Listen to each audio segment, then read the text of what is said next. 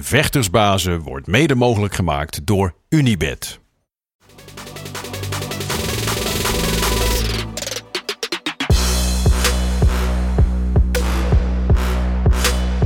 Vechtersbazen zijn terug in je leven. Terug van heel kort maar weg geweest, maar toch veel veranderd in die korte tijd. En een nieuwe studio, nieuwe setting, een nieuwe opzet, eh, nieuwe samenwerking samen met FC Afkikken en de Stroom. Eh, een paar nieuwe onderwerpen in het programma. Maar oude vertrouwde gesprekken, oude vertrouwde podcast en mijn oude vertrouwde partner in crime. De enige echte voormalige remix wereldkampioen, Strikeforce wereldkampioen. de Onovertroffen Marloes Koenen, waar zou ik of je zijn zonder jou? Wauw, dit is de beste introductie die ik ooit heb gehad. Duizend Ja, ja, ja, ja. dank, Dennis. Oefening baart kunst, hè? Ja, wat fijn dat ik, eh, dat, ja, dat ik met je mee mag. Dat we Ja, moet. gaan doen. Moet, het is geen keuze. Moet. moet. Ik kan het niet alleen. Nee, maar eh, ja, wat ik zeg, nieuwe studio. eh, ik vind echt te gek. Ik weet Ja. niet wat jij ervan vindt. Ja, ja, ik voel me echt gewoon helemaal... En het logo, props voor het logo. Ja, het logo natuurlijk eh, van de enige echte Pencil Sensei. Volg deze man, die maakt al zijn artwork voor de studio. At Pencil Sensei op Instagram. Eh, en natuurlijk een goede bekende van jou ook, Hele goede. Ja, dit is ook niet toevallig dat Pencil Sensei. eh, Nee, maar... Zoek maar uit wie het is, dan kom je er wel achter. achter de link. Ja. Nou, in ieder geval nou, een seizoen vol nieuwe podcasts. We hebben veel zin in. Ik wil voordat we verder gaan even één momentje nemen eh, om even ja, iets te zeggen over iets vreselijks wat twee weken geleden nu is gebeurd. eh, met een voor ons hele dierbare eh, vechter en denk voor heel veel vechtsportfans ook.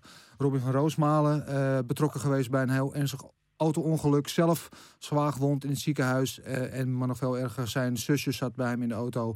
Melissa, en die is overleden.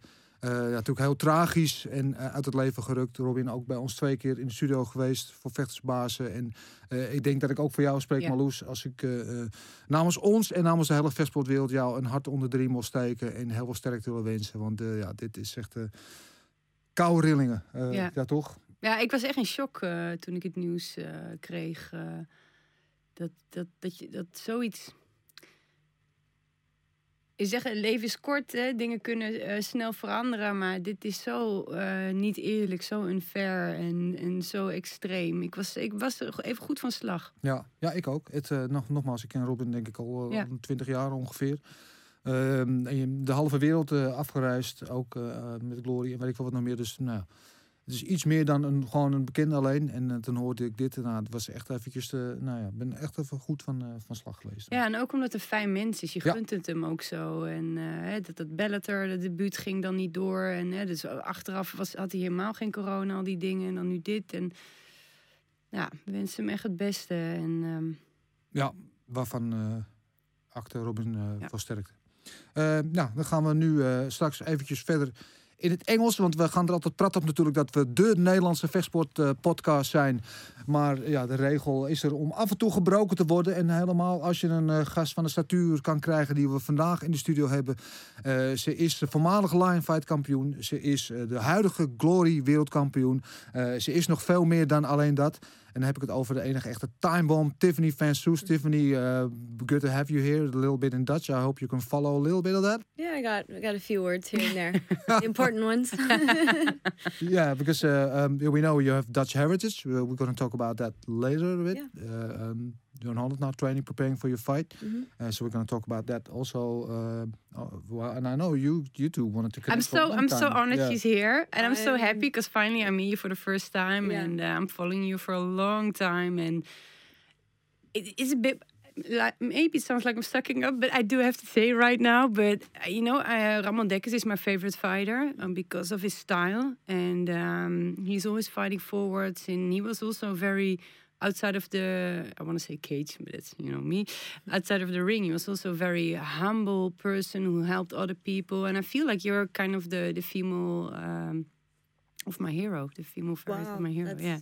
that's a big um, compliment coming from somebody I've looked up to for so long. When I was first starting in kickboxing and Muay Thai, I watched you for a really long time Oh. and looked up to you and So you were one of my heroes coming up. So to be here and to meet you finally, I'm Yeah. little girl I had the inside of me is like, oh my gosh, I'm so excited. Trying to be cool though. Yeah, Trying to be no, cool, I'm but totally not cool. I'm so but inside I'm like, ah. Well, you see, vechtersbazen for all important connections in life. We're making it happen right here. Uh, we're going to want to talk about that some more in, the, in a while as well. But first of all, um, in this new season, we're going to start each podcast with a series of uh, questions. I want to want you to react real fast to them. Don't think about it too much. Okay. Just from the top of your head, what comes in your mind first. So, um, first of all, Muay Thai or kickboxing? Muay Thai, Uh, California or Bali? Bali, Uh, surfing or fighting? surfing. Anissa Meksen or Denise Kielholz? For what? First thing comes to mind. For what? I think that's a good answer. yeah. Okay, definitely gonna come back to this one. Uh, beer or sweet potato fries? Gosh. Don't Regular. think This is a this is a That's a tough one. it's a mean one doing your weight cut, eh? Yeah, no, I'm not struggling, no problem. So sweet potato fries. We'll keep it healthy for the weight cut. After the after the weight cut, we'll go regular fries. Okay. Yeah. Um, world champion or world peace? World peace. Um, poetry or punching people in the face? Aren't they the same? Nice one. Knockout or lockdown? Knockout. Retire as a champion or continue as a warrior? Continue as a warrior. Last one. Carbs or Carbin? Carbs or Carbin? Carbin. Carbin for sure. Those are great.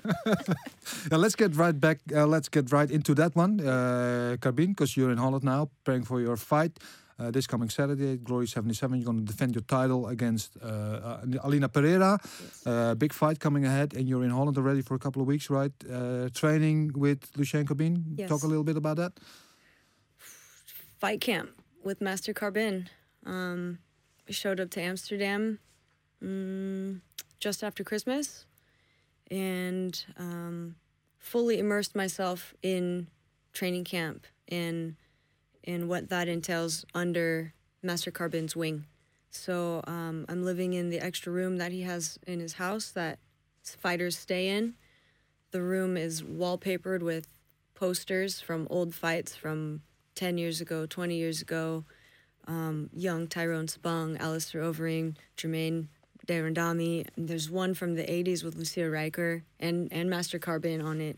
Um, so just the vibe immediately upon, you know, where I'm staying, where I'm sleeping. I wake up in the morning and like Tyrone Spong is staring at me, you That's know? scary. Yeah, so. yeah, I was wondering, like, how do you go to sleep then? What kind of vibe is that?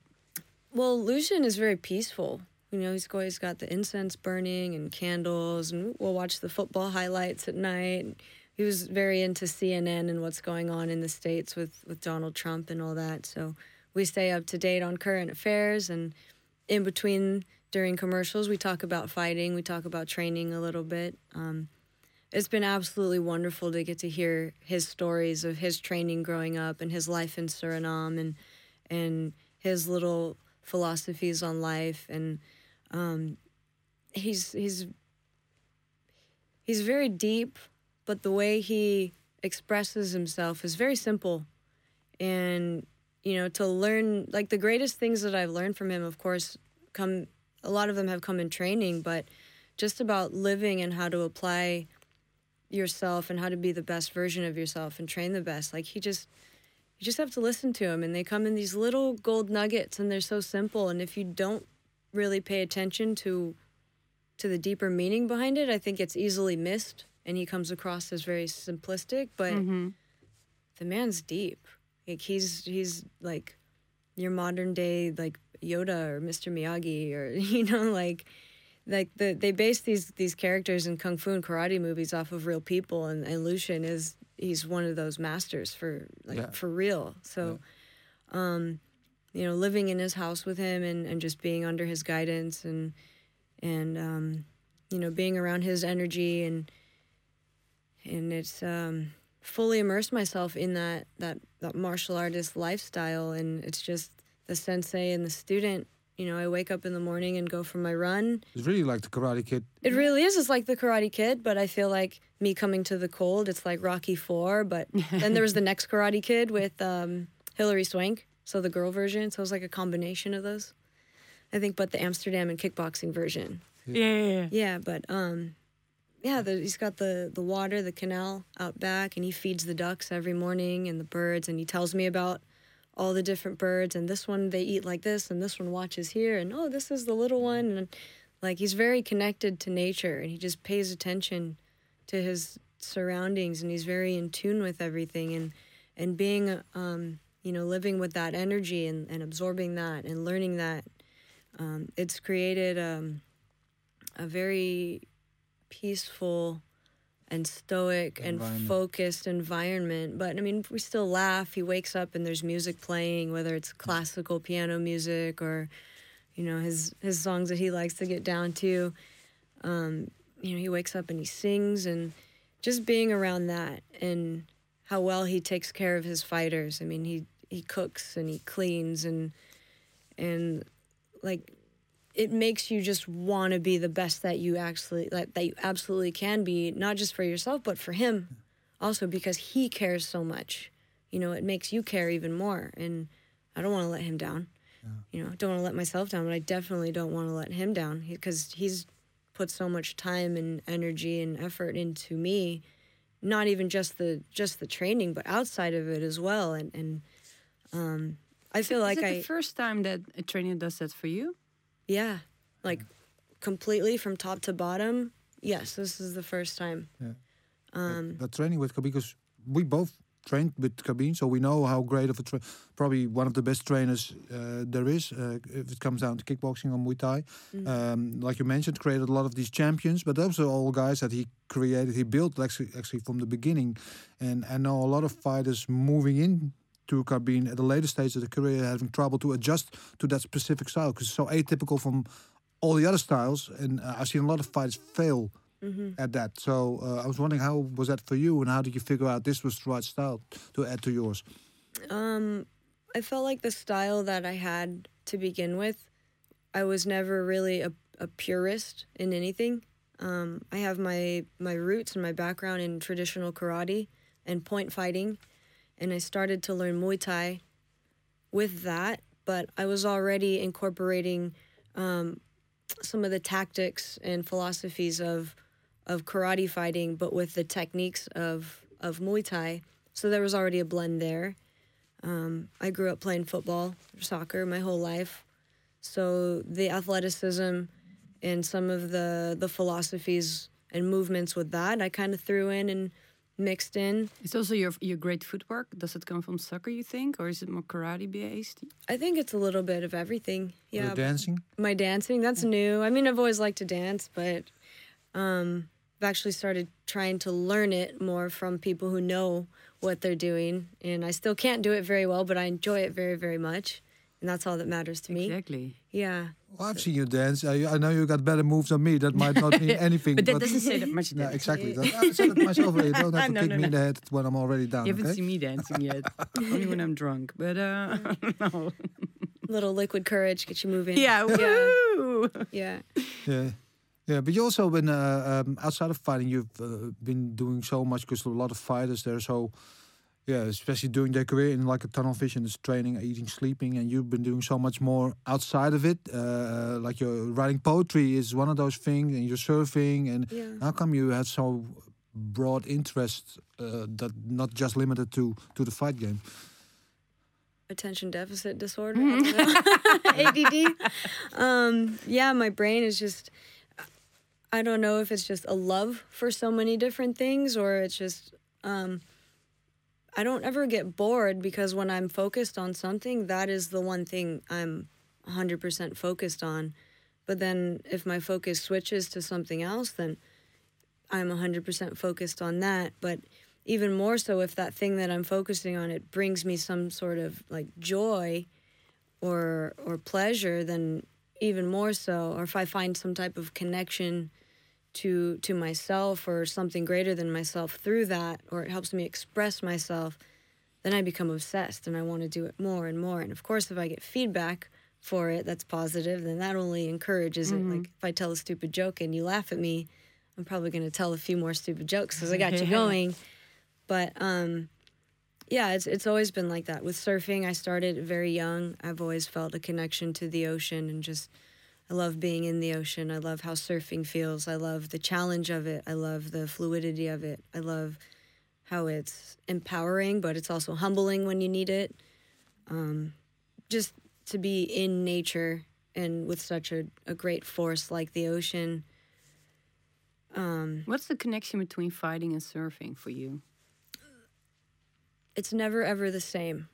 No wave is ever ever the same, except for the wave pools that they're making now. But when you're in the ocean, um, you know the idea is the same, the concept's the same, but the details are all different. Like a fight, the idea is the same to go in to do this to do that, but the same punches aren't going to be thrown in the same order by the same opponent. The same opponent isn't going to move the same way from the same direction or set everything up the same way. Just as the ocean, like you know, the wave can be coming from a certain spot, might be a little bigger, might be a little smaller. Might have to make this adjustment. It might might close out here, so you might have to turn here. So um, I think you have to be very agile mentally and physically to make those adjustments, but you also have to be very, very present in the moment to be aware of those changes and those details. And um, when you're very, very present and you're comfortable with those changes, then it goes on a deeper level where you can actually like enjoy the moment or learn something from the moment in live time. Um, but yeah, the same thing with with how it it humbles you and also empowers you. The same with training and with fighting. Like on you know some days you're the nail and some days you're the hammer. On those days that you're the nail, you're like, oof, got humbled a little bit today. I'm not as bad as I think I am. you know, and some days you go in there and yeah, Yeah. pretty bad. You it's know, good to be the nail sometimes. yeah, you, you learn. I think you learn more from being the nail than you do from being the hammer. You feel it more. That's for sure. Mm-hmm. Yeah. Yeah. So um, that is a little b- bit more, more to the now, but uh, in this whole pandemic and lockdown and everything, uh, uh, at least in this side of the the pond, training's been hard. Gyms been closed, everything. Uh, so sparring is more difficult. So uh, also harder to be the nail. Yeah, that's true. How's that been for you?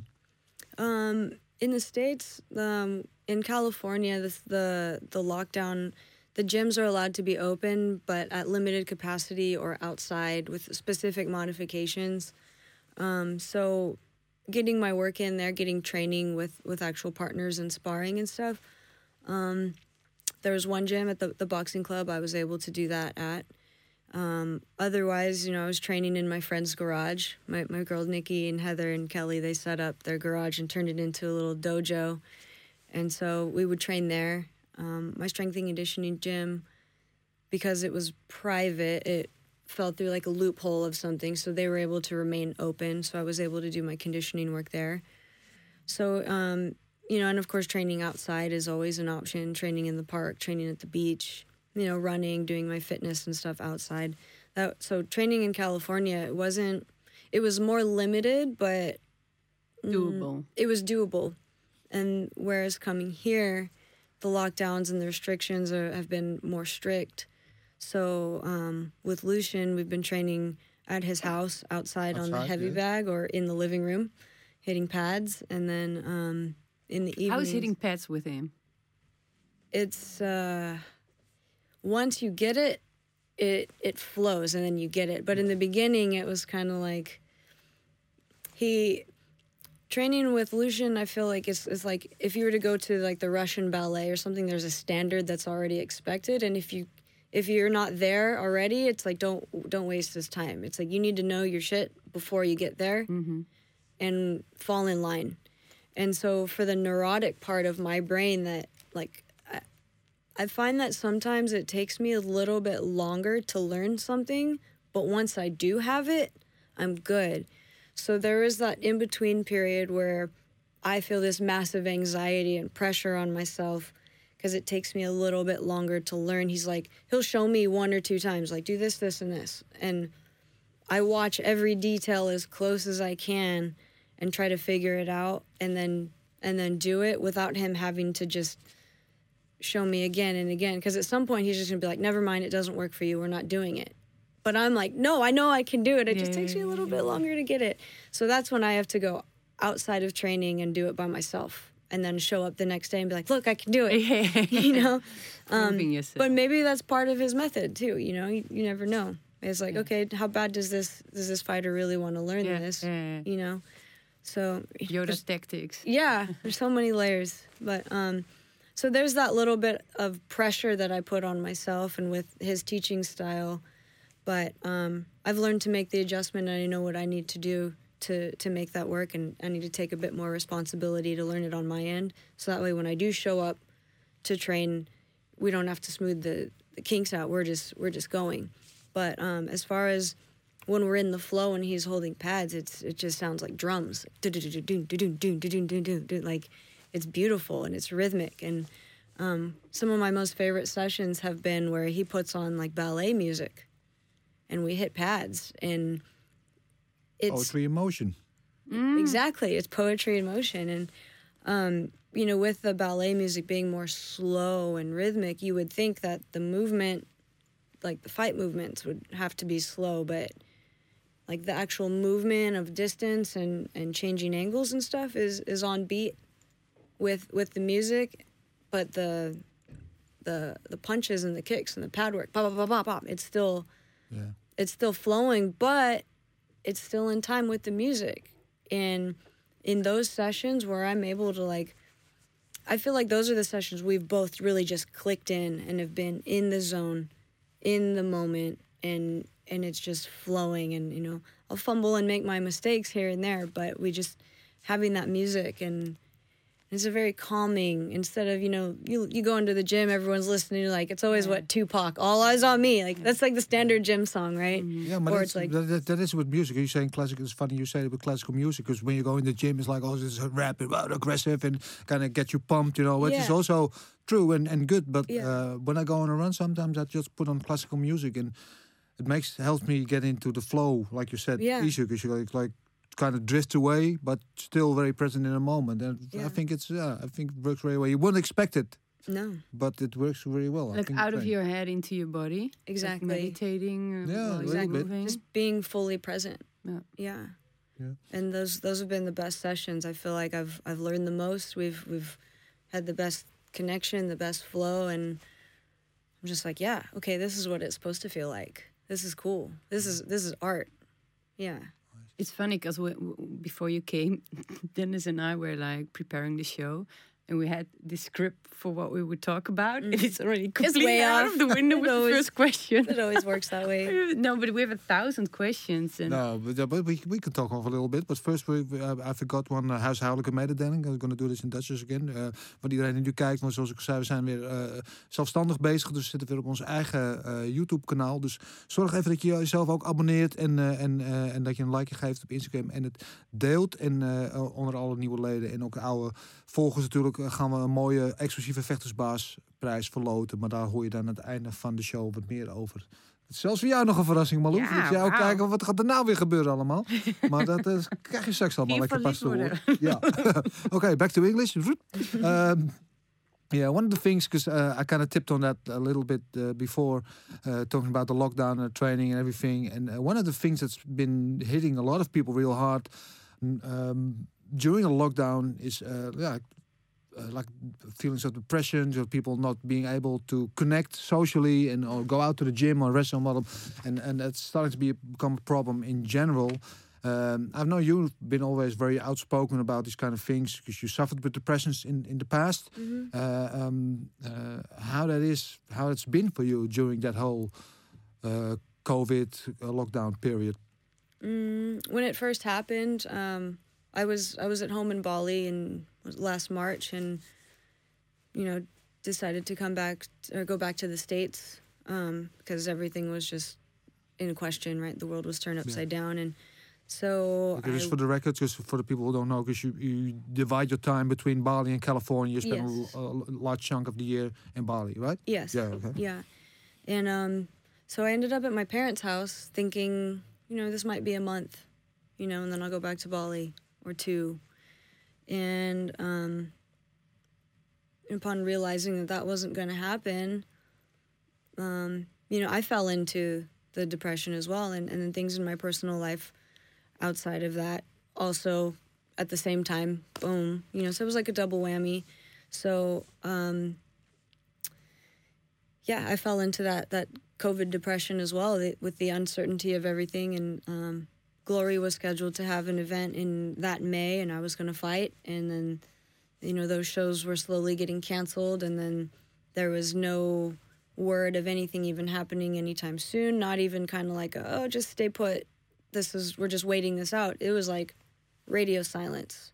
So on top of, um, you know, just the the first time of everyone being locked down and and being uncertain of everything and and um and then having all of these liberties taken away from us like like training or just being able to socialize or go out you know that started to to compact things. And then with my own emotional distress I was going through from from my personal life you know that was beginning to impact me. And then the uncertainty of am I even going to have a job? Am I even going to be able to fight again? Um, all of these questions started to come in and, and it felt like just they all crashed down and so i succumbed to the, the covid depression as well. Like in the beginning i tried to i'm only going to be here for a month or two. I'll buy a heavy bag i'll hang it up mm-hmm. and i'll keep working because i'm going to fight soon so i'll keep training.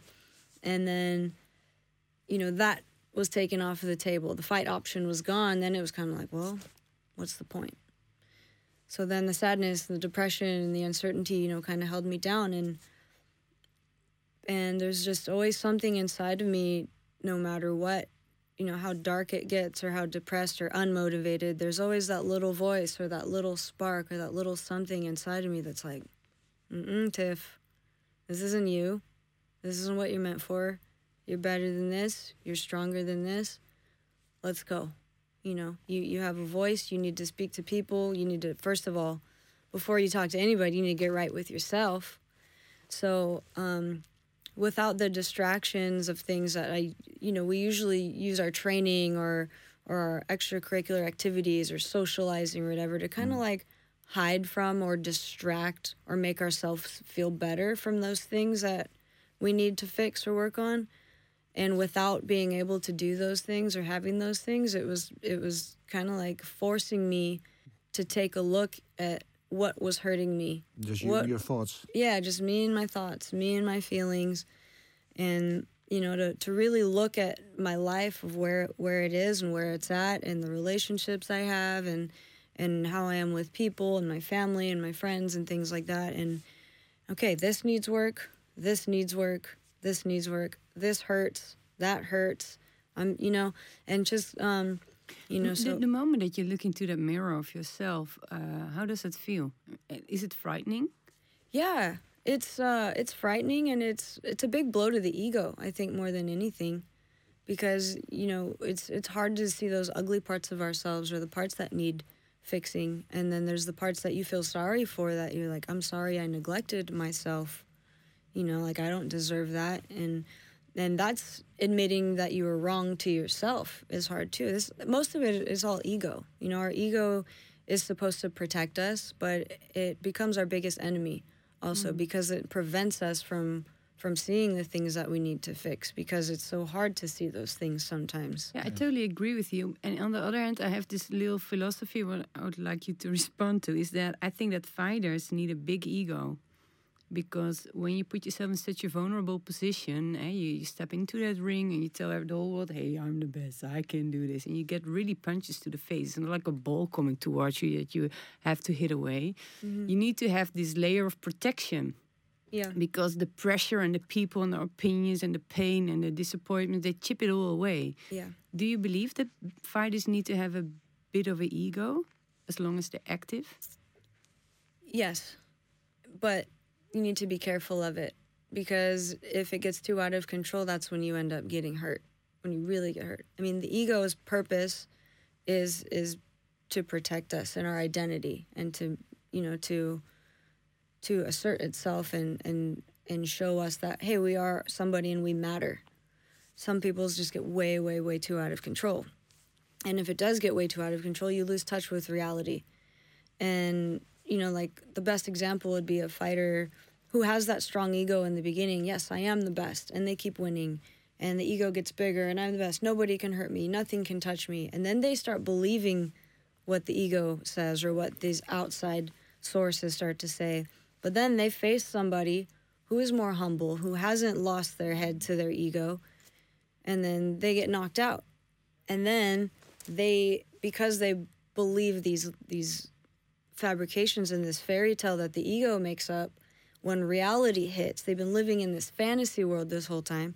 Reality hits, and now they don't know who they are or what they are, mm-hmm. and their whole life becomes like a spiral downward into this oh my gosh. And it's because they believed a fictional character that was made up by something outside of themselves.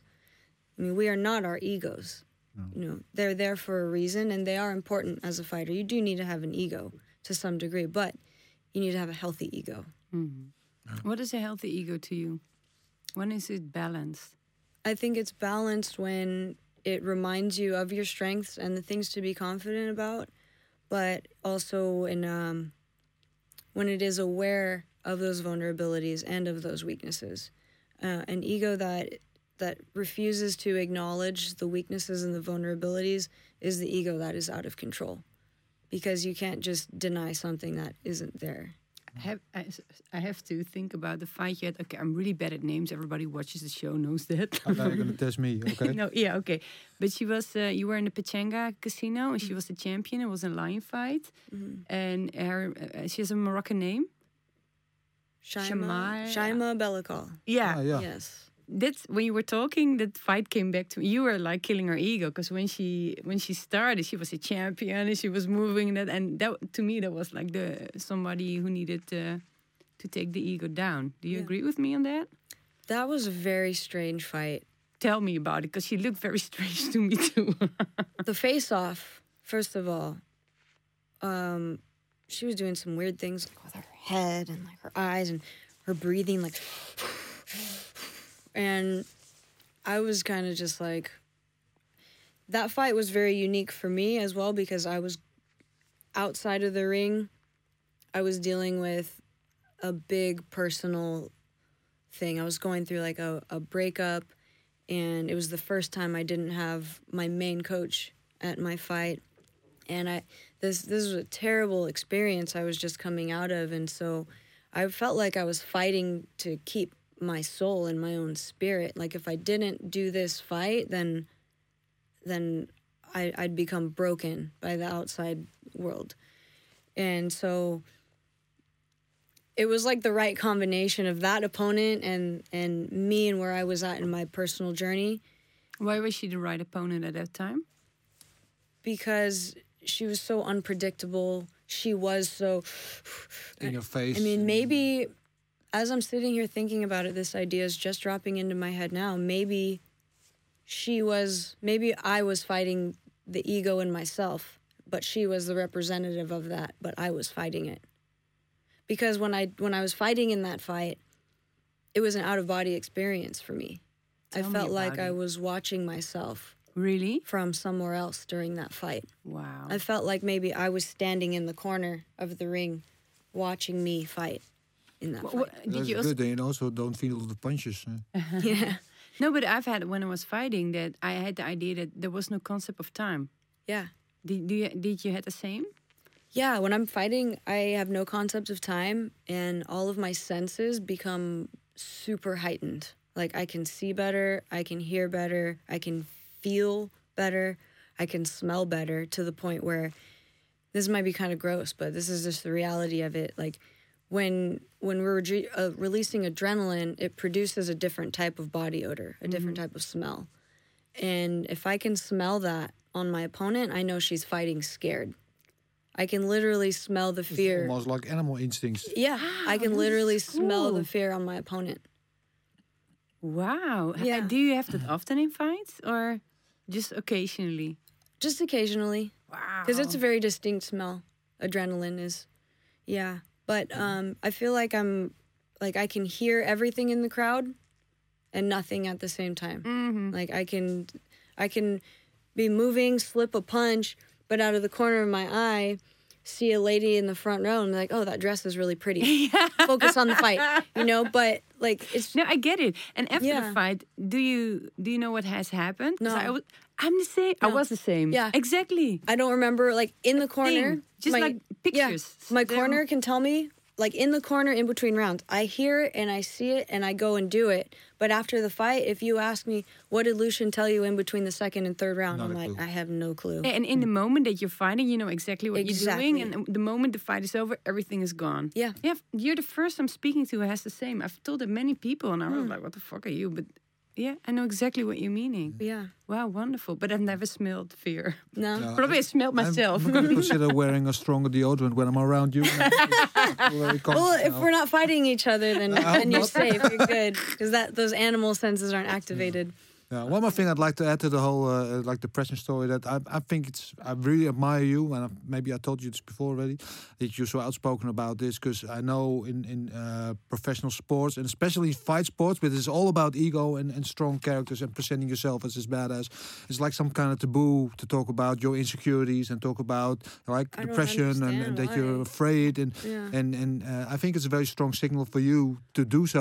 Also for other, because I know for sure for a fact that other fighters also have these kind of problems, uh, but they're afraid to speak out on because they're, they're afraid to be laughed at. So I think it's a very strong signal that you're doing it. Yeah, and- I Thank to say that. Exactly. That's what I love about. I never. I had the strength to do that. I was kept everything. I hide everything, and that's what I like mm-hmm. about you and Ilima. I will say Ilima Malay, but that Ili Malay. Yeah. yeah, it's Ilima. She's also so, and you're friends, right? She's mm-hmm. also so like when she she lost her belt, but when she during her reign, she was so open, and she said like with. Valentina, yeah, nine out of ten times she beats me, but you know the tenth time I beat her, and I was like, "You're a champ, you shouldn't say that stuff," but Yeah. she does, and I love it about it. What is your connection with her?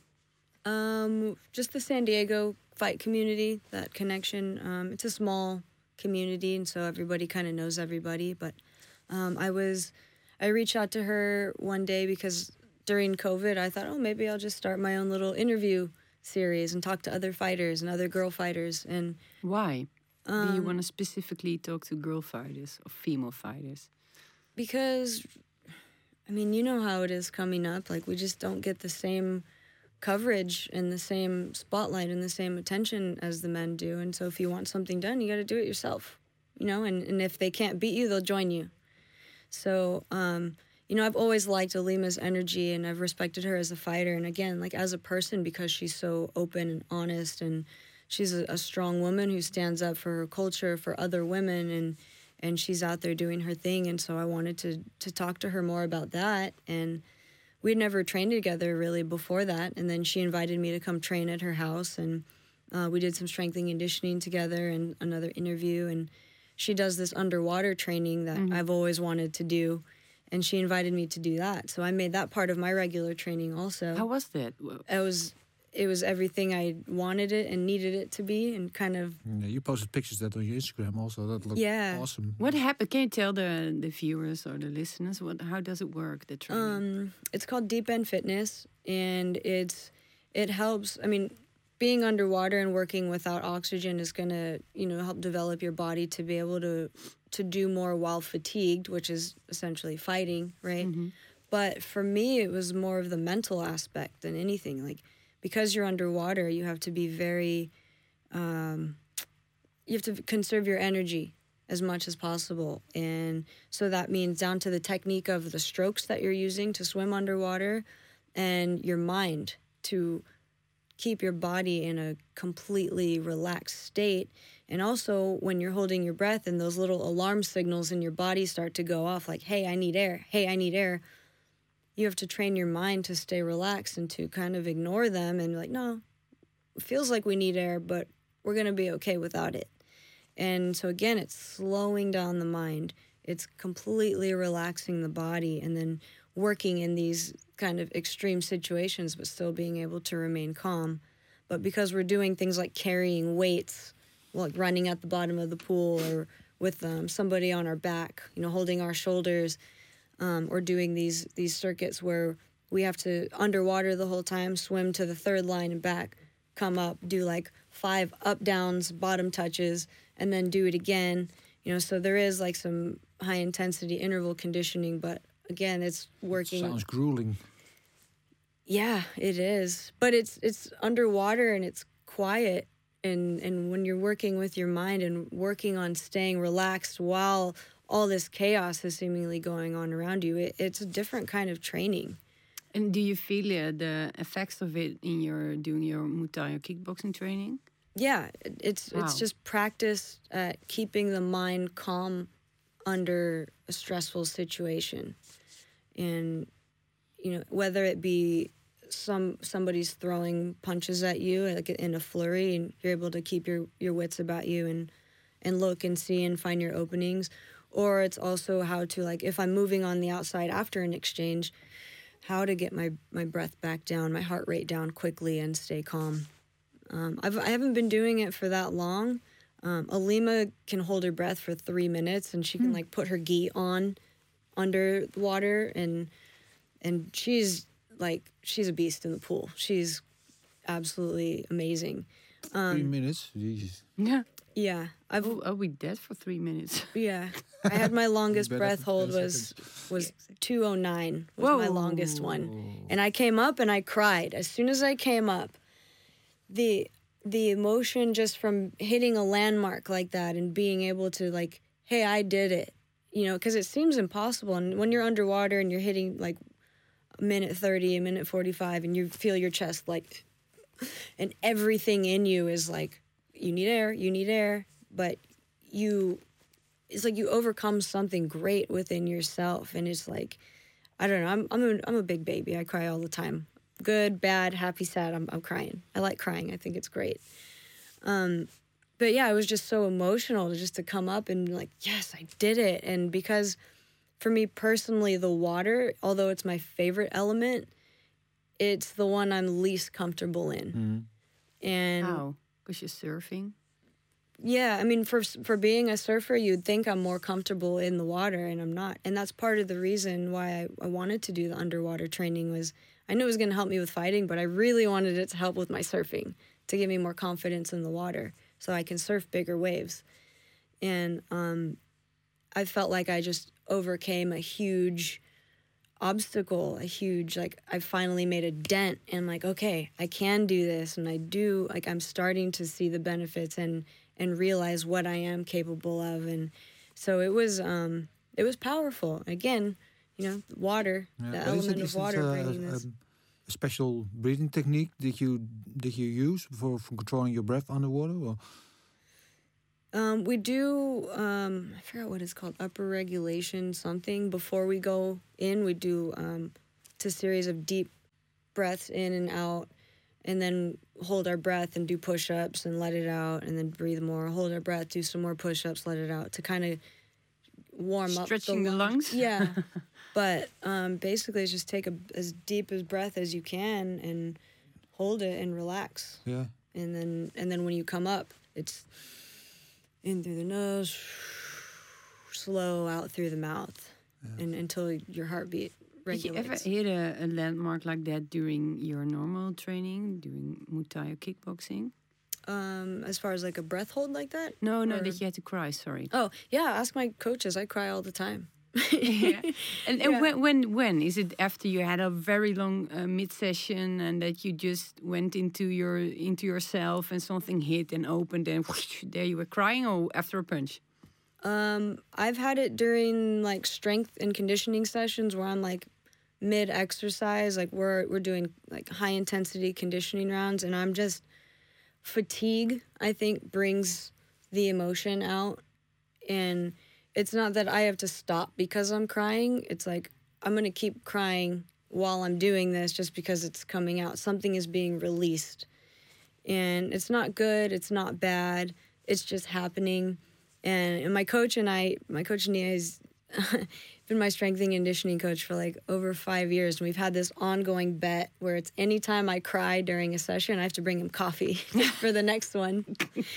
Coffee ook. Yeah. So he gets free coffee every day. No, because then once we put that bed in place, it was like a challenge, right? I'm like, you're not making me cry today, you know?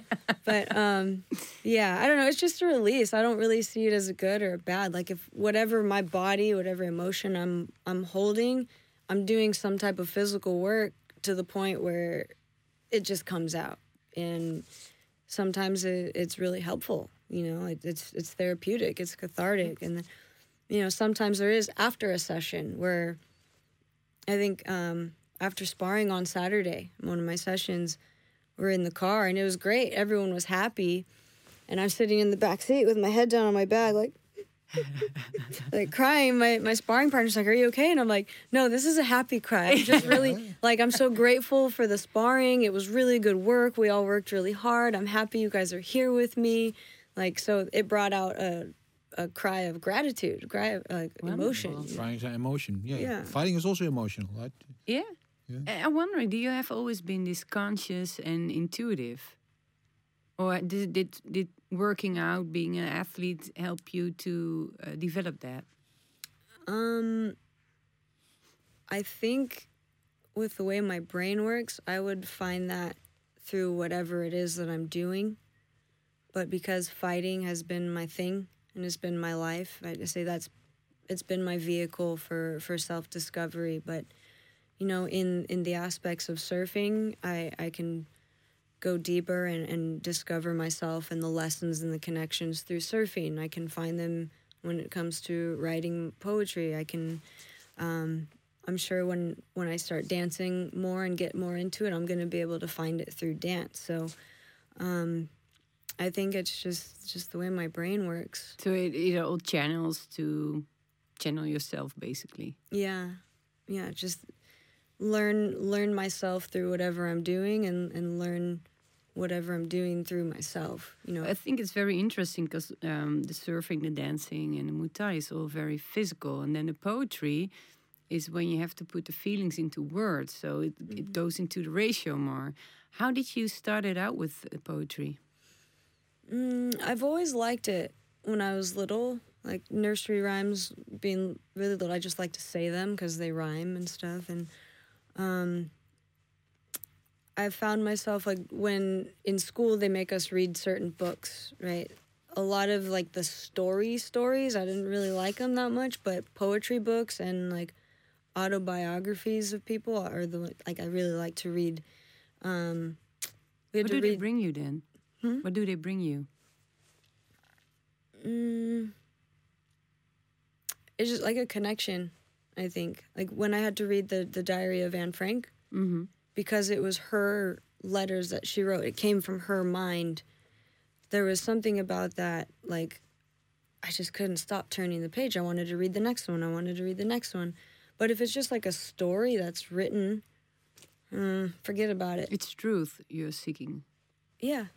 Or just to understand what goes through other people's minds, what other people think, what other people feel. Um, and with poetry, when you add in the elements of rhyming and certain styles of poetry, then it just becomes a skill and how clever you are and how you can make these things fit together but still express yourself um, within this structure, Within within this form. Frame, yeah. Yeah. I, I know you, you you publish a book. Would you put some of your poems? Poems provoke. Poems provoke, yes. Yeah, I have a copy at home. There's Yeah. some really, really nice stuff in there. So if you're interested, go download uh, search on Google and, and order a copy. Um, but I also know you do a lot of uh, spoken word. You have done some spoken word Mhm. things. So I was wondering, just this comes just straight from my heart now. Would you be willing to You're gonna put me on give us one of your poems? Yeah, I Wow. can. I can give you one. Yeah. My heart just started beating really fast. My palms are sweating a little bit, but um, I forget a lot of my own words. But I have. I'll. I'll do. Freestyle. I'll. fr- No, I won't freestyle. I'll give you what what comes out. All right, there we go. and if go. we get to the end of it, we do. And if we don't, I'm gonna be mad at myself. But Don't be. Enjoy. and then I mean, like my phone's over there. The words are on it, but I'll try to do it without. you can grab your phone if you want. Okay, just It do it. better. Yeah, come on. No, I mean, we don't want putting you here on the spot. have the full effect. Yeah. Dan gebeurt dat allemaal live en direct vanuit de Vechtersbasis studio. Wow, Gewoon ik vind het wel heel cool. spontaan I live really optreden. love that you're doing this. Awesome. I haven't performed in a while, so I'm kind of excited too. Um, Ik ben heel benieuwd. Ja, echt dik. Het is net als die reclame toch van Centraal Beheer. Ik durf het bijna niet te vragen. Maar Kun je dat alsjeblieft even doen gewoon?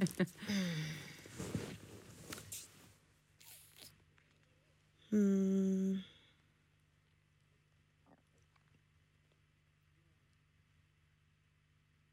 I don't know which one I should do now. Here we go. Okay. Fragility is fleeting. A realization as I'm meeting the me that I'm meant to be. I'm breaking free from insecurity. Wake up the sleeping purest me. Eyes now open to the world I see. Not held down by what I used to be, and not held back by thoughts I used to think. I drink from the well where I wish myself well, rather than dwell where I stumbled or fell, because self abuse is living hell, and there's no use to turn loose on myself and wreak havoc when the real magic is in self love and forgiveness. And freedom bears witness to the truth, and with this proof, allow me to reintroduce myself to myself. And sometimes it just takes some help and a little tough love that the universe can serve up before self worth whispers, You are enough. And you can finally stand up for the little you that stood by your side during your toughest times, no matter how much she cried. Now's the time to give her a hug and show her how much she's loved. Wow. Wow. I think uh, you now set the bar for this new season. I think every fighter that sits on the couch has to uh, No one will top this. Nobody will come anymore. no, that really connects all what we talked about before. I think. Yeah. uh, yeah, yeah. think So, Felt so personal. Yeah. What uh, the universe uh, sob? What was it? I love that sentence of that. um, sometimes it takes a, a little help or a little tough love that the universe serves up before self worth whispers, You are enough. yeah. Wow. Beautiful. means yeah you got to go through some hard stuff before you're like hey no you're good you're you're okay you're enough Are you in that place now that you feel enough? i'm getting there yeah i'm getting there definitely um with with fighting like i said it, it was it's always been my vehicle for self discovery and also i think to prove value to myself or prove that i am of some value like and so I, I you know everyone thinks that when you become the champion like that's that's the top goal right? Becoming a world champion and and okay i did that two times three times four times five times six times seven times eight times. Like okay you know you're a champion. Now what else? You know like is that enough? And it's like i, I was kind of okay i've proved that that i'm valuable as an athlete and as a fighter and i've reached this level but as a human why is it after these fights after these championship fights i still feel like i'm missing something or i'm searching for something or i'm not satisfied. Because you know obviously winning a title eight nine times however many times like i mean once or twice or three times should be enough right to prove something. Um and there's the competitive athlete side of me that's like yeah i want to see how many times i can do it and how great i can be at it. But when it comes to the human side um obviously that that wasn't what was missing and and in you know through those times of depression and and doing all of the deep work and the healing and, and getting to know myself and the parts of myself that weren't getting that love, which is trying to validate itself through these outside things like fighting. Um, loving those parts and, and nurturing those parts of myself and healing those parts of myself has been what's no, you you are enough. You are good. And and I found that, you know, service to others, being being useful, providing a smile or or or or help to somebody who needs it or or food to somebody who can't eat, you know, that's where your real value shows up. Mm-hmm. Your value is in your humanity, how you interact with the world around you, not what you can get from it mm. to prove to yourself who you are. It's you prove who you are by by sharing that and, and giving to others and, and making a change, a positive change in the world. And I think the more that I'm learning and, and accepting and healing those parts of myself and then doing that, the more settled I'm becoming within myself and and and loving of myself for things outside of fighting because um, I think with with fighters and other athletes, you know, somewhere down the road we attach our identity to who we are and what we've accomplished, and when it's all over, you're just somebody like, okay, who am I and what do I do now that I'm not fighting or whatever sport or whatever. What is my worth? What is my worth? How am I val- like? What am I contributing to mm-hmm. society, to the world, if I can't do the thing that I've been doing? And that's when a lot of people lose themselves and and they go down a dark path. And and so I think it's important to to know who you are outside of that, what you can contribute to the world without the thing that you think makes you you. And you'll realize that no, it's really just your own beating heart in the air in your lungs and the good thoughts that you think and the good deeds that you do that make you a good person. And so for me now, of course, I'm still one of the baddest girls on the planet, you know, in, in boxing gloves. You put me in a ring for kickboxing. I'm not going to deny that. And people often mistake my confidence for cockiness.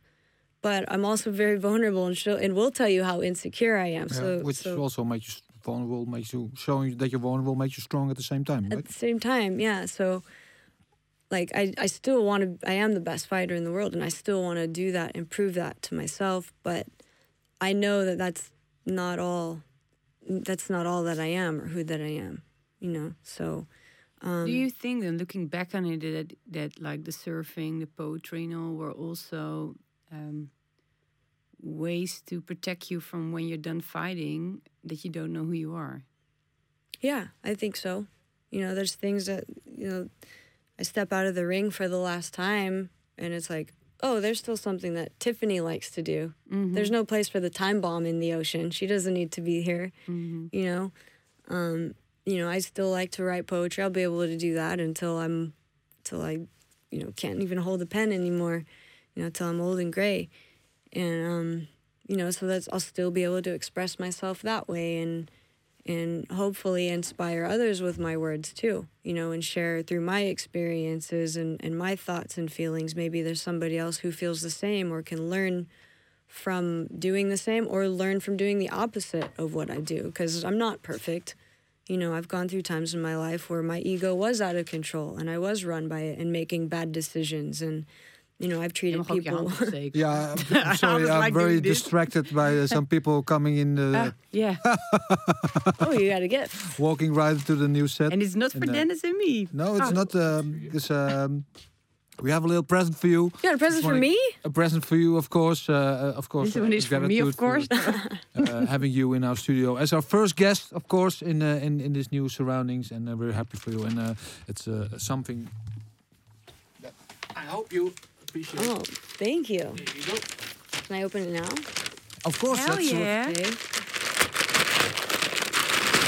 what people see. And this is uh, Oh, this is awesome. A show to us. t- A drawing of us, uh, Who's of you, on? made by uh, also by uh, Pencil Sensei, by uh, Rooma Trumpet. This is awesome. Thank you so much. Yep, I even make. Yep, got the mouth position right too. Very detailed. This is awesome. Thank you. Yeah. So. No, someone is happy. I'm Yeah, and I see what's what's what else is going on because I see a lot of uh, what is allemaal aan I'm so glad you're fasting. Uh, Oh yeah. is it a? Kijk, ik weet niet of ik het helemaal eh, goed kan laten zien eh, op de camera zonder dat ik hem uit eh, deze uit de doos laat flikkeren. Kijk eens, vechtersbaas een taartje. I'm, uh, Nice. I'm very sorry, Tiffany, to have hold this in front of you. It's right, a couple of days before you have to do weigh-ins, but uh, It's all I right. think Moes and I will. Uh, hey, woo, woo, woo, yeah, You guys will have an extra bite for much me. Yeah, in yeah. a little while. and I put this here. Awesome. Oh, this is. And you can take it home with you, hè? Thank you. Yeah, I definitely will. I love it. Hang it up for sure. So it had to take. I need a lot of space in the, in the plane going back together with your new belt and then also this. Yes, There's a lot of definitely. uh, souvenirs coming up. Yeah, we should definitely talk about uh, your fight coming Yeah. up. Yeah, uh, one small thing I want to do in between, and we're going to definitely talk about your fight, uh, get uh, back into the now. But before we go to the now, let's go back in time. Let me explain this in Dutch voor een nieuw uh, onderwerp. uh, wat we hebben in, de, in het nieuwe seizoen Vechtsbaas is de tijdmachine. En nu komt er een Doctor Who-achtige bumper met een, uh, met een reizende telefooncel en een science fiction muziekje. Maar die moet je er nu maar bij bedenken. Maar het idee is in ieder geval dat we de gasten elke week uh, de kans geven om terug te gaan in de tijd. Naar een moment dat voor haar, hem of haar heel memorabel was. Uh, en dat ga ik gonna ask you now. Gonna take you back in time. Put you in a time machine. And you could go back to one point in your life. Where would you go? Is there a moment that's been very special to you that you'd like to relive, or Sports something life. you'd like to sports re- life. hmm In my sports life. something that you'd like to uh, some moment maybe that you fucked up that you want to do over, or something that you was did so well you want to just relive it again. Where would we go? Name me the year, and where are we getting out?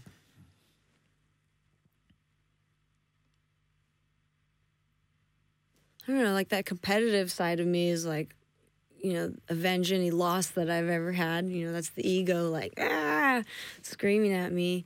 Um, Is it the Denise Kielholtz fight, maybe? That's 'Cause- the, the, the last. let's talk about that one. Yeah, let's, yeah, let's pick that one. We'll go back to the Denise Kielholtz New, fight. new school, and it was some Yeah. was it 2013, 14? 2013 or 14. It was actually my first time here to Holland. So I was so stoked that I finally got to come to Holland and to fight. And uh, like 15 or 20 of my family members, most of them that I hadn't even met before, came to watch. It was in Groningen. Did I say that terribly? no. Well, No. Good. Um, so they they all came for the fight, and it's my first time in Holland, and I fought for the Enfusion World Title, and this was when Enfusion still had um, the throws allowed. Mhm, the judo throws. Yeah, and I knew that Denise was a judo black belt. Um, I don't think she wanted to fight in in full Muay Thai rules, so I said, "Okay, I'll come to Enfusion and I'll fight in your rules." And um, I did train some. I didn't train any judo for that fight. I was like, I'm not going to be able to learn judo in this long, so I just practiced not getting taken down. And she she did use her judo throws um, a few times, and I felt like I, I kind of defended, but eventually I ended up on the ground. Um, it was just a good fight, really, really good fight. I feel like, um, you know, I for being a, a little girl out of America coming over to Holland to fight their champion, I I put on a really good fight. It was really close if you don't count the scoring of the throws. I think she'll agree that I, I caught her a couple good times. She caught me a couple good times. Um, the fifth round, she hit me with a spinning back fist and it sat me down. It was the only time I've ever, ever had an eight count in a fight. And um, at that moment, I knew if, if it was close, when that happened, I'm like, okay, she definitely won that fight. Yeah. You know, there's just no You were talking afterwards. You you got hit in the face, and you were like, "No, no I'm good." Because it looked to me a little bit you, you were out of balance as well. Or Yeah. wrong. It wasn't. I don't think it was clean. I think I, we we were just um, backing up after an exchange, and she threw it and caught me. Um, but I do remember the next day she caught me. I think on this side, but the next day it hurt on this side.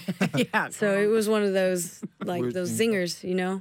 But there And- was, I think, and correct me if I'm wrong, there was no love lost between you and Denise at the time. Was a little bit of right now, another nothing like that. no, not that I not that I know of. I never had any problems with her. Okay, no, well maybe I made that up in my mind then. But Yeah. Have you followed her career since?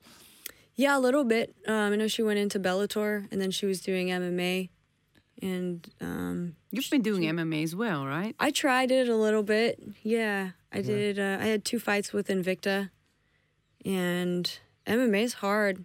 And to cut that, I fought at 115. What's that like 52? And to cut way more weight and to train way harder and to go through that and make way less money. Yeah. I was like, nah, no, bye bye. see you. bye. Sorry. Made my mind up. Yeah, yeah, um, Okay. yeah. And if if there's um, we we just ask you about go back to your sports life. Mm-hmm. What would you do over if you go to your human life, so to speak, Uh, as far as what in your time machine? What would you want to change, do over? I don't want to change anything because then I wouldn't be the Tiffany that I'm sitting right in front of you in this very moment with these thoughts and these feelings and these emotions because everything I've experienced in my life has shaped me and, and molded me and created me into who I am right now. And if one little thing went mm-hmm. one little way differently, this moment wouldn't even be happening right now. So I mean, of course, the ego says, "Oh man, I wish I did this better. I should have did that better." But you know, even from the worst experiences, I think we have our greatest lessons. No matter how difficult or painful or embarrassing or shameful they are, Yeah. they're needed to shape to shape us into to who we become. I like that answer. Yeah, I like it. Yeah. A lot. Okay, let's talk about your fight now, because after all, the reason why you're here in Holland, you got a fight coming up. Got a fight coming up. This coming Finally. Saturday? Yeah. Uh, Glory 77. I think I'm, as a fan, very excited for this event because three world title fights. We got Yep. the, the Pereira Vakhitov, uh, uh, Groenhart at last. And of course, your own fight against uh, Aline Pereira. Mm-hmm. Uh, so the sister of Pereira is fighting in the in the light heavyweight uh, title bout. Um, talk us a little bit about this fight, about your opponent, what you expect, and and and after all, yeah, like we just talked about looking forward to fighting in Holland, so your family can be there, but it's going to be an And empty arena, an so that's going to be first for you too. Yeah. But, you know, even though it's empty, I'm grateful to be fighting because it's been over a year since the last one. And, you know, there was a minute there where everything was kind of in question. Like, is this how it ends? Is it over? Is there no more fighting? You know? So, um, really happy to be able to, to fight again, to train again. Um, I know Aline is is hungry. I know she's really, really tough. I know she's training hard. Yeah, and also you must be hungry because she's very tall, so I'm Yeah, sure she cuts a lot of weight. So she My must be very. length. Yeah. We're the same length. Yeah, it's, it's insane. Yeah. but yeah, So um, she she's young and she's motivated. She's got a lot of support with with her brother being who he is, and they have a good strong camp. And I know I know her mentality. I know where, what she's trying to do, and the biggest, you know, the biggest uh, obstacle to overcome with her, despite those things, uh, when it comes to physicality, is her her height and her power. Other than that, um, you know that it, it just comes down to, to who's the better fighter mentally emotionally tactfully and um, i know i have all the tools yeah. i know i have the experience. Like if you look back at all of my fights i think i've only been the same size or or maybe bigger than my opponent. You could count out on one hand you know all the rest of them they've been taller. So um, it's nothing new. It's you know it's the same she possesses the same uh, obstacles that that any tall opponent has but i do know that that she is young that she is hungry that she is tough and she she wants what i have and she can't have it Now, how about this uh, whole uh, five round fight? You've been in five round fights actually all the time, maybe exception of one, once or twice. i think i do better in the the couple three round fights that i did have i didn't feel as good No, well, your last three round fight against uh, Jari Menez, I think you that was a good one really good. that was a good one But I think this is a thing that people underestimate the difference between three round and a five round fight. Mm-hmm. Those championship rounds, they really make a difference. And she has, as far as I know, no experience in those. Hmm. So um, this is going to be tough for her. Huh? yeah take Yeah. her into deep waters Yeah. yeah see if she can swim Yeah, you feel you have the advantage over her, uh, and on that, not on more cases, obviously, but on on this uh, particular matter. Yeah, definitely. I mean, uh, I remember when I was God, I sound so old. When I was her age, um, I was I was always the younger fighter fighting older women, you know, and um, one thing they I know that they always had, it, even if they were older, they always had um, way more fights than me. Also, I mean, when I when I first started as a professional, most of my opponents, when I had you know, four fights, five fights, six fights. I already had 20 or 30, 40 fights. And that experience is something that you can't really teach that. That's just earned over time. And and that's something that she doesn't have that I do have. Um, I have that mixed with the gifts and the abilities that I that I do have and and my skills. So I think that's that's where the scales are, are out of balance in and in my favor.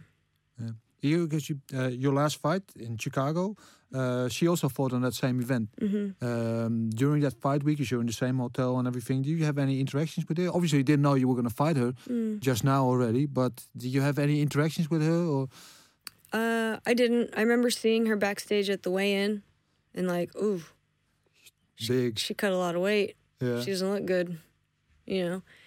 Um, that was the only interaction I had with her. Was just me, kind of like scoping her out, and um, yeah, she didn't look like she was in good shape making that weight. And I know what, you know that that plays a you know plays a part in the fight the next day.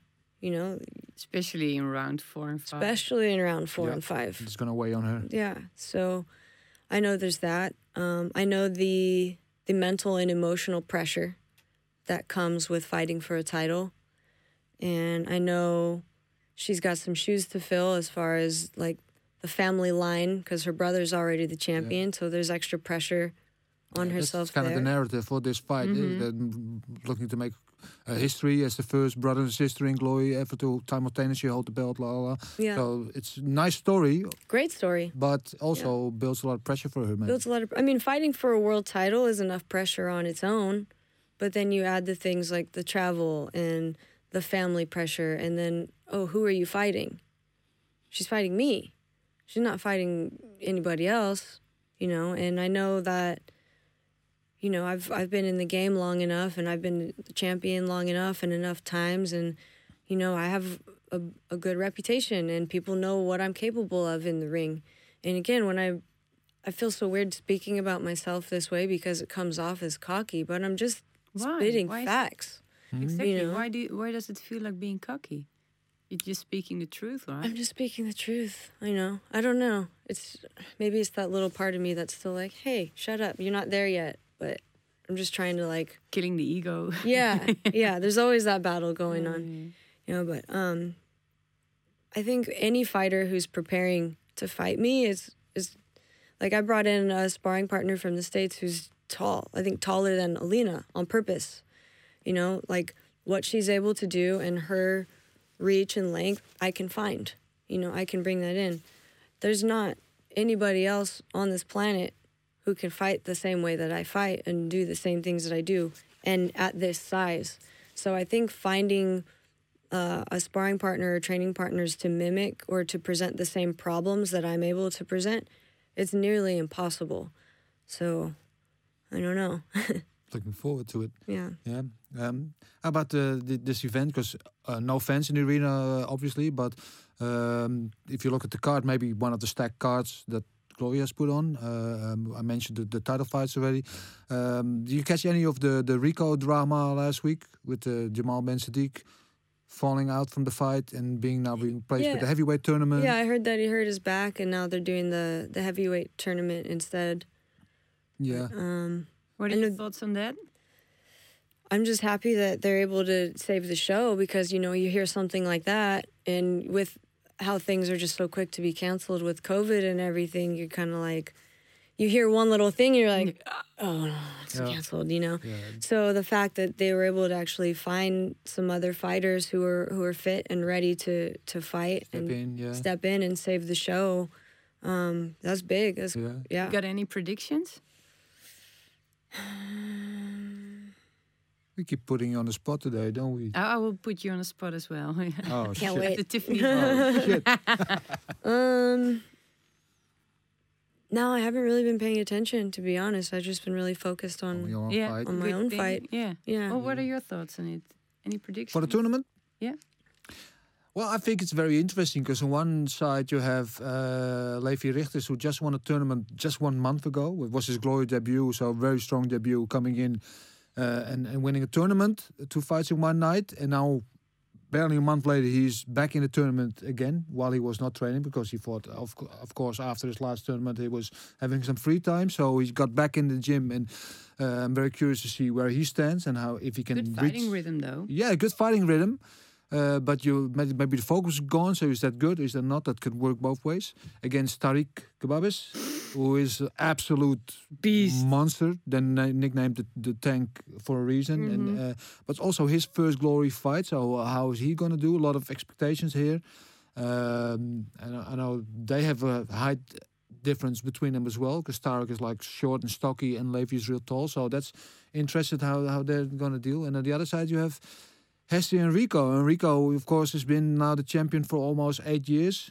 So uh, no denying that he's an elite fighter, and nobody's been able to stop him. And he's been uh, in full preparation for fighting Jamal, which was going to be a very tough, tough fight for him. So I know he's going to be at the best of his abilities. Uh, and then fighting Hesdy, who was training, of course, he's always training, but not preparing for a fight. Mhm. So on ten days' notice, that could be a factor for him. Why would have uh, to take that fight? Uh, because he was, uh, he's been uh, calling for this fight for over a year Yeah, but with no preparation. with no preparation. Yeah, So- but but the chance, you know, when the train stops at your station, you have to get in, otherwise the train leaves again. So he's been shouting f- for this fight for a year, and then he gets the opportunity. If he says no, the opportunity not mi- might not present himself again. So you do the same. Yeah. Yeah. You grab it and uh, sometimes you have to just jump in. Sometimes you just gotta go. You know, fighters fight. Yeah, Yeah. exactly. And I know one thing from Hesdy, um, he will fight till death follows. He will, I know, um, um, because now all the odds maybe look in, in Rico's favor, but he will not give it away for free. So it's going to be interesting. And there's some, it's, I like this. There's a little bit of bad blood between them. because They had the row last year after mhm. the second Puerto Rico fight when they was yelling at each other at the press conference and blah blah and and uh, last week they had like an online press conference and they also uh, uh, no Rico it was yeah there's some tension between them so yes, I, I like bad blood. yeah it's, it's it brings a little bit of Spices it up. Yeah. Yeah. brings a little bit of extra to that fight. So man, yeah, I'm excited. Excited for the tournament. Excited for your fight. Excited for the other two. Because uh, talk about bad blood. Doumbé and Groenhart. Oh, they have yeah. a lot, of Lot bad blood. bad And this fight, and this is a fight that's been postponed. I think like six times already. Yeah. Six? That many times? Wow. They were supposed supposed to fight each other. Uh, October 2019, and then uh, was injured. Then that got postponed to March, uh, and then the fight got cancelled because of Corona. And then it was booked two times again. It was cancelled again twice before because of Corona. The. Then the last time Murthel was injured, Yeah. uh, and now it's finally here. So this is this fight's really been so. Uh, One and then I week. just hope hope nothing Yeah, happens yeah, yeah, this yeah. week. Yeah. Fingers and then I just hope it's going to be as good as we expect. Because a lot of Yeah. time you had all this build up and Yeah. this tension, and the fight goes. Hey. No, I don't think that's going to happen with these guys. So Mm. no. Um, let's go to Mount Rushmore. Mount Fightmore, I should Mount say. I'm going to explain this in Dutch again. Uh, weer een nieuw onderwerp hier. We zien het al uh, in, in beeld verschijnen.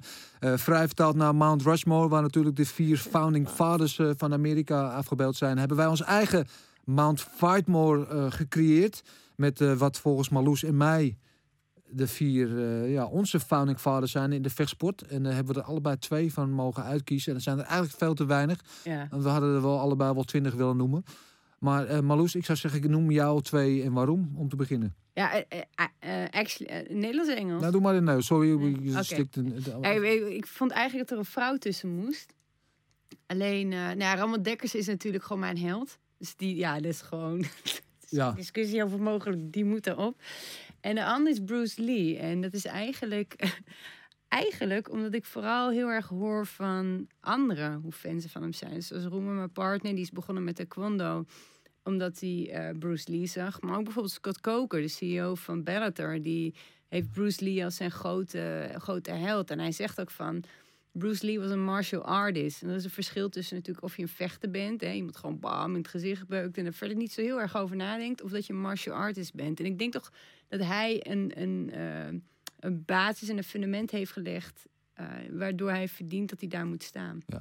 Ja, waar. Ik denk, maar wie is niet opgegroeid met Bruce Lee films? Of je nou van vechtsport houdt of niet, iedereen die is daarmee op. Van onze generatie zeker. Ja, ja en, en, en wat Tiffany zei over, over Lucien, over als je ook leest de, de boeken die hij heeft, hè, de- over Jeet Kune. En ik ben nu bezig met een boek van zijn dochter, waar ze ook vertelt over zijn filosofie. Het maar gaat zo diep. Het gaat zo diep. Ze zegt, eh, dus die man moet erop. Ja, Ja, Jij, Dennis? Ja, dan de mijne. Ja, ik, eh, wat ik zeg, het was eigenlijk onmogelijk om te kiezen. Eh, ik zou als eerste had ik eigenlijk willen noemen Rob Kaman, omdat dat voor mij persoonlijk de reden was dat ik ooit geïnteresseerd werd in vechtsport. Heb ik er niet bij staan. Ik had eh, elke van, de van de grote K1-kampioenen, uh, Ernesto, Sam, Peter. Ja, maar wie moet je dan kiezen? Hè? Ja, weet je, maar die heb ik er ook niet bij staan. Maar die horen er natuurlijk ook eigenlijk bij. En Lucien had er misschien wel bij gekund. Nou, de lijst Lucia. is eindeloos. Maar ik heb uiteindelijk gekozen voor John Blooming. Eh, daarnaast eh, Bruce Lee. Eh, waarom? Omdat John Blooming voor mij staat aan het begin van alles qua vechtsport in Nederland. Maar van de mensen die hem niet kennen, hij is oorspronkelijk was judoka, ging eh, vrijwillig, meldde hij zich aan om in Korea, de Koreaoorlog heeft hij gevochten. Belandde daarna in Japan en kwam toen in aanraking met Kyokushin karate. heeft zich daarin verdiept. Mocht als eerste westerling dat buiten Japan eh, gaan eh, eh, lesgeven, gaan uitdragen. Dat heeft hij toen mee naar Nederland ge- gebracht. En zijn eerste lichting eh, leerlingen, daar zaten namen bij als een Jan Plas, die natuurlijk aan de, de, de wieg stond van het kickboksen in Nederland. Er zat bij een Chris Dolman, natuurlijk aan de wieg stond Mhm. van het MMA in Nederland. Eh Lucien Cabine is ook een van zijn eerste leerlingen. Eh, Wim Ruska, de bekende judoka. Ja, en, zo zijn er nog wel een paar namen te noemen. En is tot aan zijn dood op 85-jarige leeftijd altijd heel nauw betrokken geweest. Ook bij het karate eh, in de hele wereld. Maar met name ook in Nederland. Eh, Dus wat dat betreft is hij voor mij echt ja, letterlijk de founding ja, ja. van de vechtsport in Nederland. Dus die zit erbij. En de tweede die ik erbij heb genomen is Bas Rutte. ja. Ja, hoe kan je om Bas Rutte heen? Eh, eh, uit Breda. Eh, net als eh, natuurlijk uh, Ramon Dikkers. Ja, was de, ja, de eerste Nederlandse UFC-kampioen. ja, nou ja. Dan heb ik eigenlijk al genoeg gezegd. Eh, daarvoor was hij natuurlijk al prankcase kampioen. En eh, buiten dat een eh, geweldige persoonlijkheid. Die Ja. nog steeds heden de dagen over de hele wereld een bereik heeft en een begrip is. En ook de tot nu toe enige Nederlandse inductee van de UFC Hall of Fame. Dus ja, vandaar moet hij ook erop. Oké, dan gaan we, we gaan de back to Engels. Ja. Back to English. We zitten gewoon I alle got talen like leren some hier. words. yeah. Oh, you saw, you saw the Um, pictures, right? So, yeah, uh, yeah. Yeah, because um, you understood a little bit what we talked about, Jack, and I Mm. asked you in advance because you said we had, should have one woman at least there. Yeah. Okay, Tiffany's got you because I asked you oh, yeah. Uh, if we, you were ever to make like a Mount Fightmore, your founding father or founding mother in this case, who would it be? Then you first said Bruce Lee. Yeah. I said no, you can't because done. already had Bruce Lee? Pick another one, and then you said Lucia Rijker. Lucia Rijker, Yeah. our own Dutch Lucia Rijker. Okay, why? Because what she was able to do as a woman, she competed, like her only loss in Muay Thai was against a man. You know, she was undefeated against women. Um, I think 25 and 0 or something. Or I think she only had, of, of all of her fights, there was only five that didn't end by KO. And then the one time she went, she fought a man, she got knocked out in the second round. And then she went not only just in Muay Thai, but into boxing. So two striking disciplines, two arts, and also became a world champion and also did extremely well. Mhm. And I think, uh, especially at that time, you know, women weren't weren't really fighting that much, and and for her to do it at the level that that she did it and the things that she accomplished, um, and just the training at, at the intensity she trained, and she, I mean. I mean, when you want people say, "Ah, she fights like a man," I'm like, "No, she fights like a woman." Exactly. She fights like a woman. That is how a woman can fight and should fight. Mm-hmm. And and it's like she set the standard without even knowing she was setting the standard. Like when I watched her fights, I'm like, that's what it's supposed to look like. And if I don't look like that, and if I don't fight like that, then I'm not great. You know, because that is what greatness looks like. That is what women are capable of doing. And and and to just you know shatter the glass the the glass ceiling as she did during those times, and then um, she was kind of the original uh, women and one of the original women in martial arts to do that, and then use that platform to get into acting and and movies, and then now she's doing like her her meditative teachings and stuff as well. Another very very strong woman who goes within herself deeply and uses it to help others, but through the vehicle of fighting.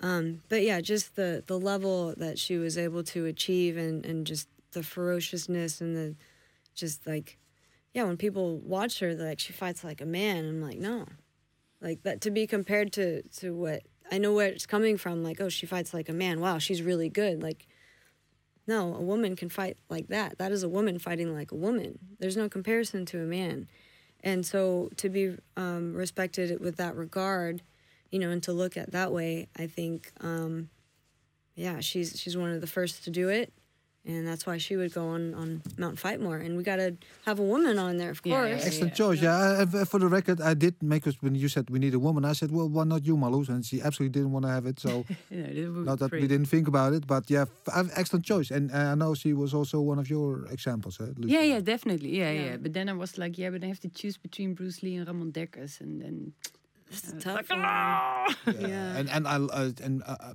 outstanding career and outstanding role model, all that, and um, really some not only for women, but you know, for me growing up as a as a fight fan also, and um, I remember she had that role in Million Dollar Babies, Mm-hmm. was uh, basically the like the the female version of Ivan Drago and Rocky Yeah. Four. Yeah, yeah.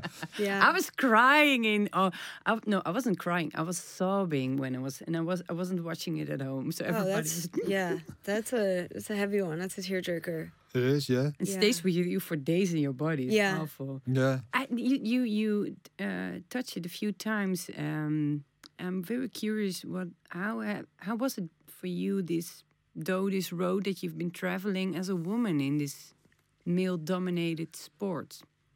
hasn't been easy not easy at all um, and i know because of the times and the the amount of women that are starting that have been starting to train and and compete it's gotten a lot better um, i know from when i was an amateur and, and watching you fight from the beginning and and like in Strikeforce and on, on the shows you were fighting maybe you were the only um, females on the card, or every like two or three months, then there would be some females on the card. But now, like with the UFC and, and ONE FC, like every fight, there's at least two or three women on the card. So where it has um, things have gotten better is that more women are competing, and now it's just about getting the same fair treatment and the same pay as every as as the men. Um, there there are some things um, you know how how the industry like Hollywood and entertainment, the whole sex sells thing, right? That's been pushed on to female athletes as well, and in the fight industry. And and early in my career, I was, you know, led to believe that that was the way that I needed to to be to be successful or to gain notice. And you know, so there were like bikini photo shoots and things like that and and I thought that's what I needed to do but it really inside of me it didn't Wrong. yeah, I'm like, this doesn't feel right. You know, I don't know. Yeah, I look pretty. That's cool. But that's I'm a fighter. That's not that's not what I'm trying to Oh, do. should you go the extra mile where men don't, don't have to do that?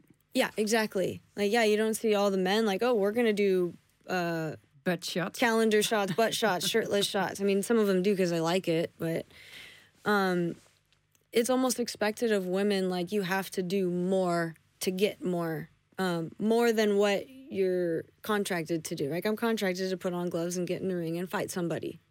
You know, that should be what purely what my my compensation is is determined by my skills and my ability. I show up, I do my job, and I do it well. It shouldn't matter what I look like. It shouldn't matter what I wear. It shouldn't matter what I say. You know, like if I go in there and I fight and I do it well and I hold up my, I make weight. You know, I do my interviews. I don't misre- don't misrepresent myself. I don't misrepresent my family or anything else. I'm respectable. I get in the ring. I fight well. I fight hard. That's what I should be getting paid for. And what I'm getting paid should be the exact same as the men who are doing the exact same thing. Period. Do you still feel that pressure? The pressure to Like the- the- going the extra female mile? sometimes, but I think in my own mind and outwardly, I've made it very clear that this is who I am and this is how I represent myself. Anything beyond that, don't even ask. You know, and if it is asked of me, then it's just uh, very polite and respectable. No, this is what I'm willing to do, and this is what I'm not willing to do. And is it, do you do, do you do that for yourself, but or also in mind the younger generation of girls that you want to inspire, for instance? I, I do it for myself. I do it for the self, my my past self that didn't know better, that did, you know, fall victim to that and succumb to that. Um, I do it to make it up to her. Um, I do it for myself now, and yes, I do it for the for the future generations, and of course, um, you know, when I have kids and grandkids one day, I don't want their, I don't want them to be like, Grandma or Mom, what, what was that? And then then I'll have to explain. Well, you know, the industry and blah blah blah blah blah. You know, the less that I have to do that, the better, and the more that, you know, I mean, there's this there's there's the argument of being free and being able to express yourself how you want and if you know like you know and that's fine. You have to live with your choices and your decisions you know later down the road. Um, but when it comes to uh, women being athletes you know they're they're in the sport and in the industry to be athletes not to be sex symbols not to be sold as anything else other than amazing women doing amazing things, not looking a certain way, not having to do anything extra. It should be. You made a great point. You don't see the men like, oh, hey, let's do this and this and this extra. Like, if they do, it's like a bonus, or it's like they get to do this, or it's almost like, hey, to, you're already successful in the ring. Now let's make you successful outside of the ring. Let's put you in a nice suit. Let's do that. For the women, it's like, hey, if you want to get in the ring, hold on, we need to see you in a bikini first. We need to do this. Oh, and now they're gonna want to see you in the ring. It's like almost reversed, you know, and um, it's not right. No, It's it's not not, right. it looked like Serena Williams, and yeah, uh, the Russian girl. She got caught for using stuff. Mm. Long tall. Sharapova. Yeah. Mm. Um, she was lost from Serena Williams, but she made like I don't know how much more money in Yeah. commercial in commercials um, in, in comparison to Serena Williams. And yet Anna Kournikova, I mean, even longer. She never won a Grand Slam, but she made millions. Yeah. And in, I believe we're still in that world. Well, very much so.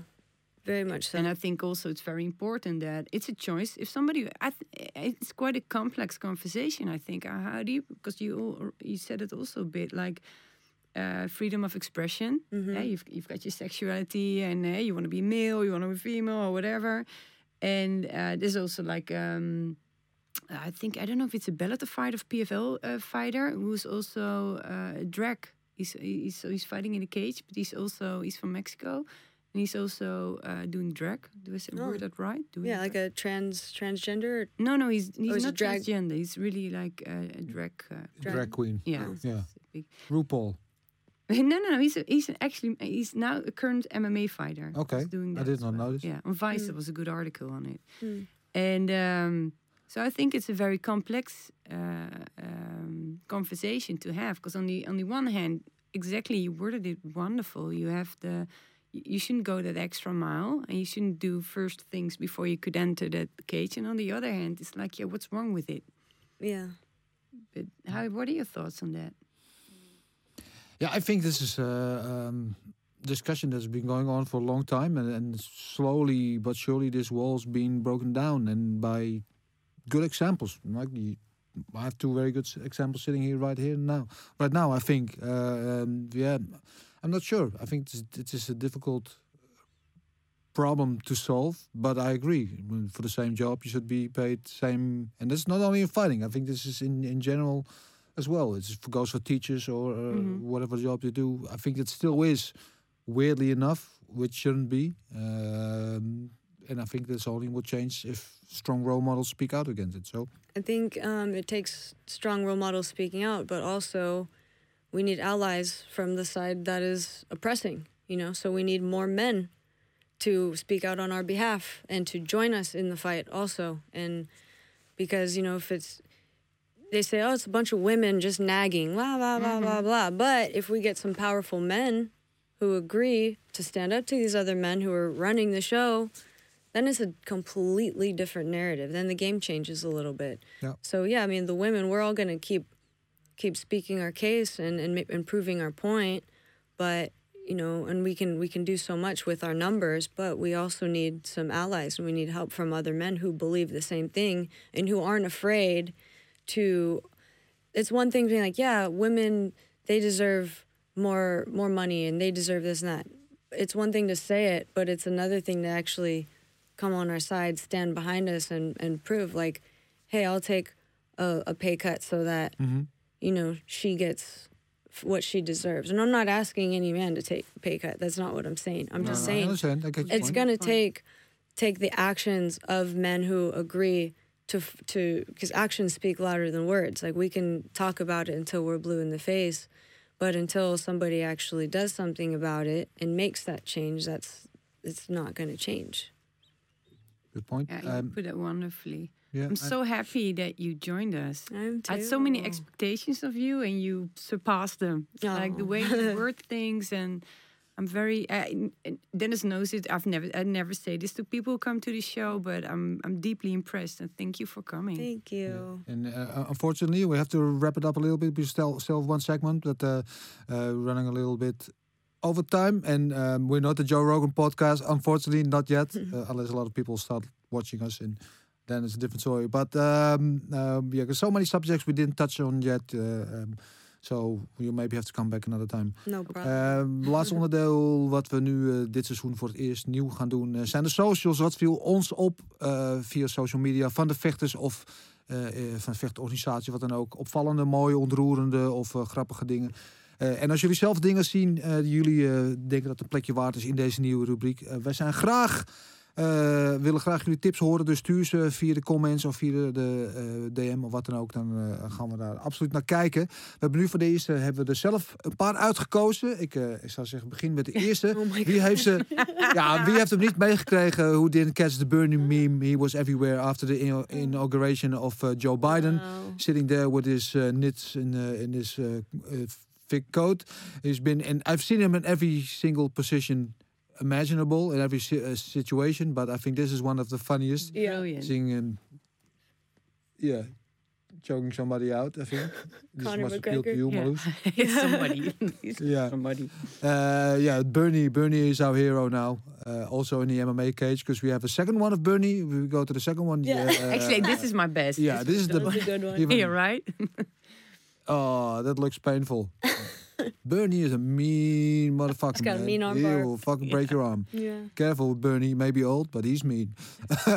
okay, um, uh, next one. Uh, what was the next one? Oh yeah, Mitch. Mitch, the farmer Kuipers. Uh, he needs a special mention. Uh, and following as ja, well. Eh, eh, even het Nederlands Mitch, de farmer, of wel een Engelse bijnaam. Mm. Eh, kickboxer, voormalig MMA-vechter na zware blessure overgestapt naar het kickboksen.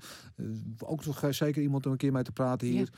Die biedt zichzelf nu aan als therapeut. De mensen die in de lockdown zitten, misschien waar we het ook over gehad hebben. Een beetje met depressie en een zwaar gemoed te kampen hebben. Hij is gratis tot jullie beschikking om met jullie te praten en een beetje moed in te praten als eh, Mitch de Farmer eh, slash therapeut Kuipers. Dus geef hem een follow en eh, als je hem nodig hebt, maak dan ook gebruik van hem. Want eh, Ja, echt applaus. Dat- all around good guy, Ja. Mitch de Farmer. En dan hebben we er nog eentje en dat is Rico. Verhoeven, fighting on the same card as you uh, this Saturday. I was wondering because I think may- maybe one of your most memorable memorable nights as a fighter, he was also fighting on the cards. right? yeah when i won the glory title in uh in germany one. Oberhausen. yes Yeah. yeah The first be- became the first ever glory female. first champion. ever glory women's champion There we go. So connection with Rico, and um, what do you do? I, I don't have my glasses. I can't really read it. Uh, anyway, it's a You got to go motivation. out, work them, stay up later, wake up earlier, surround yourself with people that have the same mindset, and you're damn right. I'm surrounded with a group of winners. Yeah, and surround yourself with the people. You see him in the picture with Peter Fury, the yeah, the famous boxing coach, uncle of Tyson Fury, uh, and uh, Peter Fury's been in Rico's camp for quite some time, for a couple of years, for the big fights. So uh, he always only have big fights. Comes over and uh, um, helps Rico with his boxing.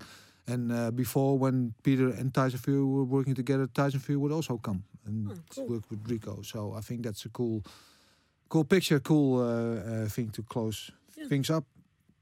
So, uh, like I said before already, I'll say it again. Tiffany, thank you very much for coming and being our first guest me. It's an in the new uh, new reboot of uh, Vechtersbaas podcast in our new studio. And uh, we wish you the best of luck, of course, you. for this Saturday, for your fight, but for everything you do, your future endeavors. And hopefully we see you back another time when you're back in Holland again. Thank you. en uh, voor jullie allemaal, ik zei het aan het begin van de uitzending. eh, we gaan nog een mooie vechtersbaasprijs weggeven. Dus eh, nogmaals, zorg dat je je abonneert eh, op ons YouTube pagina. Dat je een like geeft. Op onze Instagram pagina. Dat je ons volgt en dat je het deelt. Dat je deze video deelt. En eh, we gaan onder alle eh, mensen die eh, zich tot ons komen, gaan we een hele mooie exclusieve. Deze heeft nog niemand. Zelfs ik heb hem nog niet. Echte vechtersbazen hoodie gaan we Die wil ik ook hebben. ja, weggeven. Ja, nou, ik zou zeggen, ben je al geabonneerd? Ja, dat gaat? Ja, nu wel. Ja, oké. nou, goed. ja, weer een likeje erbij. Nou, dit was Vechtersbaas voor deze. Zijn de volgende week zijn we weer terug in deze mooie nieuwe studio. Tot de volgende Vechtersbaas. Ooh.